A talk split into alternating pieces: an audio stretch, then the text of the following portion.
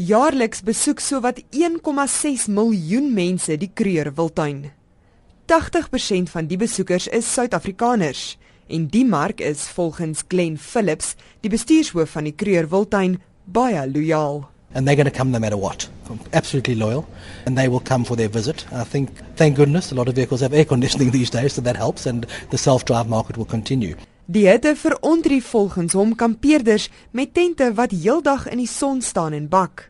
Hy sê egter die ekonomiese klimaat en die bekostigbaarheid van kampplekke dra daartoe by dat die kampeerders steeds kom. We have uh, over December seen an increase in camping, which has been a positive uh, sign. And we also believe that's economically driven potentially. People are saying, look, let's count the pennies, camping's going to be a bit cheaper, let's do that this year.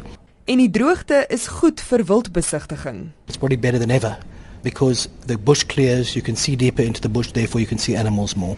Also, with animals dying, the sad part of that uh, is going to happen, but also you're going to see more predation, you're going to see probably see more lions, uh, more hyenas, more jackal from the road a lot easier, um, and of course a leopard. So, from a game viewing perspective, it's probably going to be very good. But of course, there is the negative side and the emotional side to that that animals are going to die. Hy sê hy het al van ontstelde besoekers gehoor dat hulle brandmaar diere gesien het wat baie swaar kry. Dr Marcus Hofmeyer, hoof van veeartsenykundige wilddienste in die wildtuin, sê dit is belangrik om die natuur sy gang te laat gaan. As 'n dier nou regtig ly, is dit ons beleid dat ons daai dier sal uitsit eh, want hy gaan in elk geval vrek. Jy weet, veral in 'n gebied waar mens weet dat die dier daar sit, maar as dit 'n natuurlike situasie is, dan ons probeer so min as moontlik ingryp want al hierdie prosesse is wat gebeur in die natuur en dis nie altyd mooi nie. Jy weet, jy kan maar vergelyk met uh, met 'n met 'n grasvreter wat wat elke dag moet kos soek en dan jy weet, die roofdiere gaan hulle vang.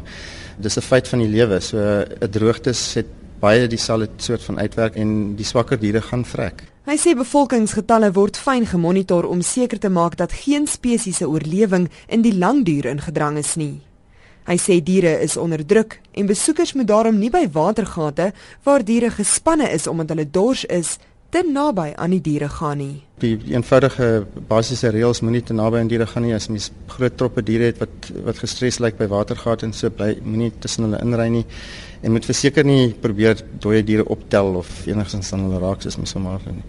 Ja, en ons moet oppas vir die bobbejane en die en die apies by die piknikplekke want dit is regtig nou 'n tyd waar hulle waarskynlik meer aggressief gaan wees en en en elke geleentheid gaan vat om kos te kry want daar is niks daar buite nie.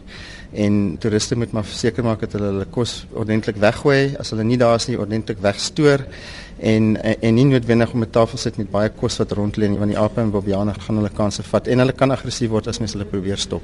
Dani Pinaar is die hoof van navorsing in die wildtuin. Hy sê dit is ook belangrik dat toeriste die breër prentjie in ag moet neem. Toeriste paaie as ek nou vinnig onthou dek omtrent 2% van die Krugerwildtuin. So wat die mense sien, sien hulle in 'n bitterklein area van die Krugerwildtuin. So wat daar buitekant gebeur is iets wat nie hulle nie sien nie, maar dit beteken nie dit gebeur nie daar nie. So om die veearts of die veldwagters te probeer dat die rat rondjaag agter elke dier wat swak lyk langs die paaie, dit is 'n taak van onbegonheid hier in die, in die Krugerwildtuin. So die mense moet dit so aanvaar en en ervaar en ja, dit is ek sê dit is 'n baie interessante tyd hierdie jaar wat nou kom en ons wil die mense aanmoedig om te om Kreerwilting toe te kom. Dis iets wat hulle regtig nie gou weer gaan sien hierdie jaar nie. Pinaar sê die droogte moet gesien word as 'n geleentheid om te leer. Na die droogte in 1991 en 92 is beleid aangepas en dit word nou toegepas. In Sandparke en in Kreerwilting is ons aanhoudend besig om 'n verskeidenheid beleide aan te pas soos ons meer leer. Dis net tydens hierdie tye is jou leerkurwe redelik styl. So jy, jy het 'n geleentheid om redelik vinnig te leer anders as in normale jare waar alles maar net gewoonlik aankarring. Nou tydens die vorige droogte het ons 'n paar belangrike lesse geleer. Die een het te doen met waterverspreiding, die ander het te doen gehad met uh, spesiesbestuur en natuurlik ook die die die uh, vloei van ons riviere soos ek dink julle al vroeër bespreek het. Dit was Dani Pinaar, navorsingshoof in die Kreur Wildtuin. Ek is Henry Wondergem vir SABC nuus in Skukuza.